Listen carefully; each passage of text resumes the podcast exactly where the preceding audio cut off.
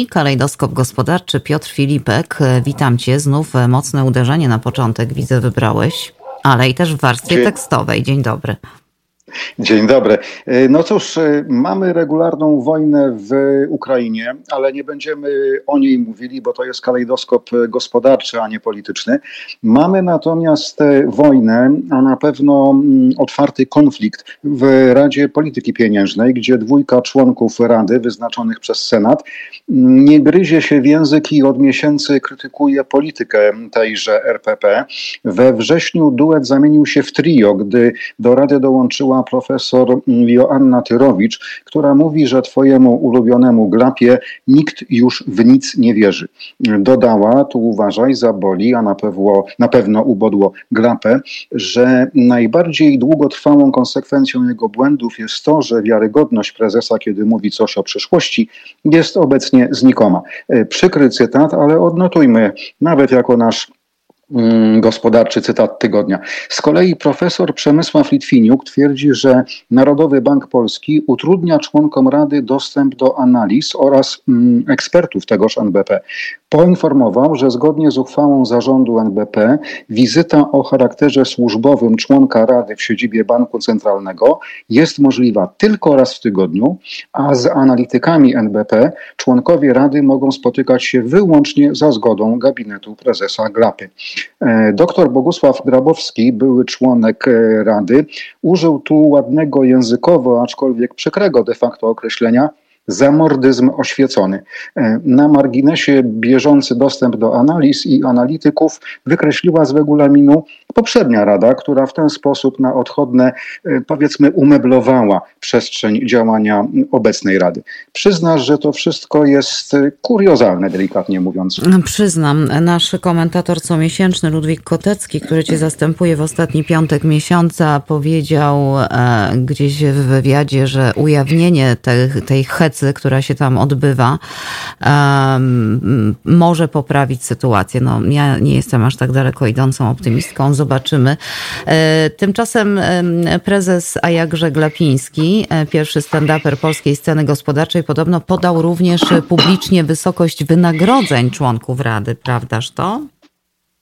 Y, prawda. Rozruszył przy tym nie tylko członków tej instytucji, wobec których chyba oczekiwał, że te wysokie wynagrodzenia zamkną im usta, y, ale też zbulwersował sporą część y, opinii publicznej. Mówimy bowiem o wynagrodzeniu w wysokości 37 tysięcy złotych miesięcznie. To jest niemal 7,5 tysiąca dolarów co miesiąc, gwarantowane na całą kadencję członka Rady, czyli na 6 lat. Bardzo chciałbym mieć taki komfort finansowy. Sądzę, że ty też. E, Glepa też powiedział, że Rada zbiera się na jednym posiedzeniu w miesiącu. E, chyba zapomniał, że członkowie Rady traktujący tę pracę poważnie analizują sytuację na bieżąco we własnym zakresie, ale i w kontakcie i w dyskusji z pozostałymi członkami i z ekspertami, tam gdzie mogą. E, z wdziękiem słonia w składzie porcelany dodał, że mówi to wszystko tak na wszelki wypadek, bo nie ma niczego ani nikogo szczególnego na myśli, ale generalnie, i tu znowu cytat, gdyby ktoś był przyzwoity, to zrezygnowałby z członkostwa w Radzie i wtedy mógłby ją krytykować. Ha, ha, ha. Gdyby ktoś był przyzwoity, to zrezygnowałby z prezesowania. Ręce opadają. E, słuchaj, e, Główny Urząd Statystyczny potwierdził dziś e, inflację, tą, którą prognozował parę tygodni temu, prawda? E, prawda, i tu powiem tak, e, ja ci trochę zazdroszczę, bo inflacja konsumencka, ta, która najbardziej interesuje słuchaczy, u Was za, powiem tak, wielką kałużą. Jest co prawda powyżej progu wyznaczonego przez Bank Centralny, ale można powiedzieć, że ustabilizowała się w okolicach 8%, prawda? U nas, i to jest właśnie informacja z ostatniej chwili, z dziś, czyli fresh from the mill, wyniosła we wrześniu tego roku 17,2%.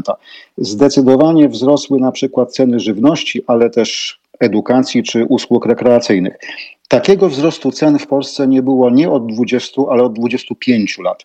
Obrazowo mówiąc, to jest tak, jak gdyby ktoś zabrał nam z portfela niemal dwie miesięczne pensje. Nie mogę w tym miejscu nie zacytować wspomnianego przez ciebie Ludwika Koteckiego, członka Rady Polityki Pieniężnej, który dziś rano w rozmowie w studio telewizji TVN powiedział krótko i w punkt. Na inflacji w krótkim okresie zyskuje budżet państwa, a tracą biedniejsi obywatele. Dokładnie u nas mówił dokładnie to samo, bo taka jest prawda, bo tak działa ten e, mechanizm i to jest e, po prostu e, wstrętne. Ja dziś też słuchałam komentarzy ekonomistów, którzy mówili, że 17,2 to jest ta inflacja liczona rok do roku, natomiast ta inflacja w cenach tak naprawdę przekracza 20% w Polsce, więc to nie są dobre informacje. To prawda. Słuchaj, prawda. słuchaj, nie ma dalej węgla jeszcze te statki nie dopłynęły, gdzieś utknęły. Ja próbowałam je znaleźć tutaj na Oceanie Atlantyckim, ale nie udało mi się, mam za słabą lornetkę. W każdym razie pan e, prezes inny niż Glapiński, tym razem Kaczyński, powiedział ludziom, że e, mogą teraz palić w piecach wszystkim, byle nie oponami. Potem dorzucił, że wraca do sprzedaży i do użytku e, domowego węgiel brunatny. Oprócz tego, że prezes to powiedział, to oczywiście pojawiły się stosowne przepisy na ten temat, bo jak doskonale wiesz, węglem brunatnym pod karą grzywny nie wolno było palić w piecach, a to dlatego, że e, jest to bardzo toksyczne. E, no ale w tej chwili już e, można. Y, no tak, i rzeczywiście to jest y, bardzo ryzykowne. Y, najkrócej mówiąc, węgiel brunatny mm, ma w sobie bardzo niebezpieczne dla zdrowia składniki jak siarka czy rtęć. Siarka nie bez powodu została skojarzona z ogniem piekielnym, prawda? No ale cóż, jak powiedziałeś, zarządzający naszym krajem nadprezes w świetle kamer telewizyjnych błyskotliwie stwierdził właśnie, że palić można wszystkim, byle nie oponami. Na marginesie marginesie po wprowadzeniu embarga na węgiel z Rosji niemal cały import tego surowca odbywa się faktycznie drogą morską poprzez polskie porty. I tu jest tak, że część statków gdzieś utknęła. Słusznie mówisz, że nie można ich znaleźć na mapie, ale do portu w Gdańsku faktycznie zawijają kolejne statki z tym czarnym paliwem i tam każdego dnia przewijają się setki ciężarówek i wagonów kolejowych.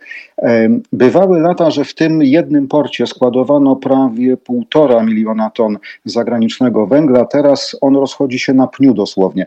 Dziś na rano na placach leżało niespełna 900 tysięcy ton tego surowca, głównie z Kolumbii, ale też z Australii, czy od Was, bo z USA. No tak, bo jest go najzwyczajniej w świecie y, za mało, a nie tyle, ile, ile potrzeba. Y, słuchaj, jeszcze jedna rzecz. Przed wejściem na antenę mówiłeś, że chciałbyś wrócić na chwilę do planu odbudowy Pałacu Saskiego. Y, w czym rzecz? Już mówię, pamiętasz, dzieliłem się z Tobą i słuchaczami wątpliwością, czy Inwestycja tego typu w kwocie 2,5 miliarda złotych jest naprawdę niezbędna w dobie kryzysu. Moją obawę podziela chyba więcej osób, bo mamy fiasko publicznej zbiórki pieniędzy na ten cel.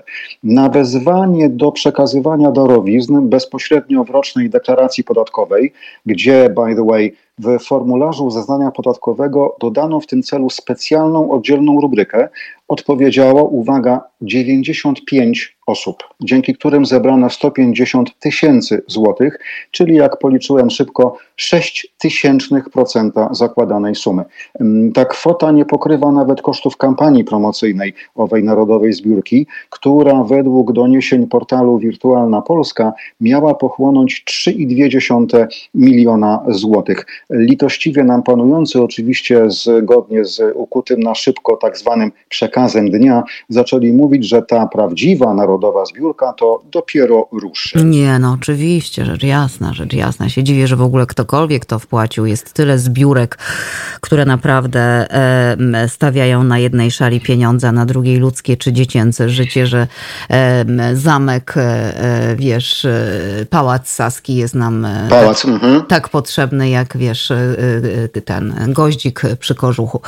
No dobra, dość tego marudzenia. Zgodnie z świecką kalejdoskopową tradycją, coś optymistycznego na koniec poprosimy.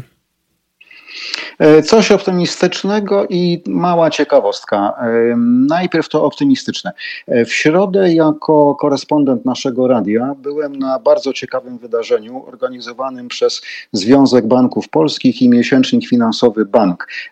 To jest forum usług płatniczych przez wiele osób z branży finansowej nazywane świętem polskiej bankowości, na którym w tym roku było prawie 200 uczestników z najwyższych szczebli zarządzania.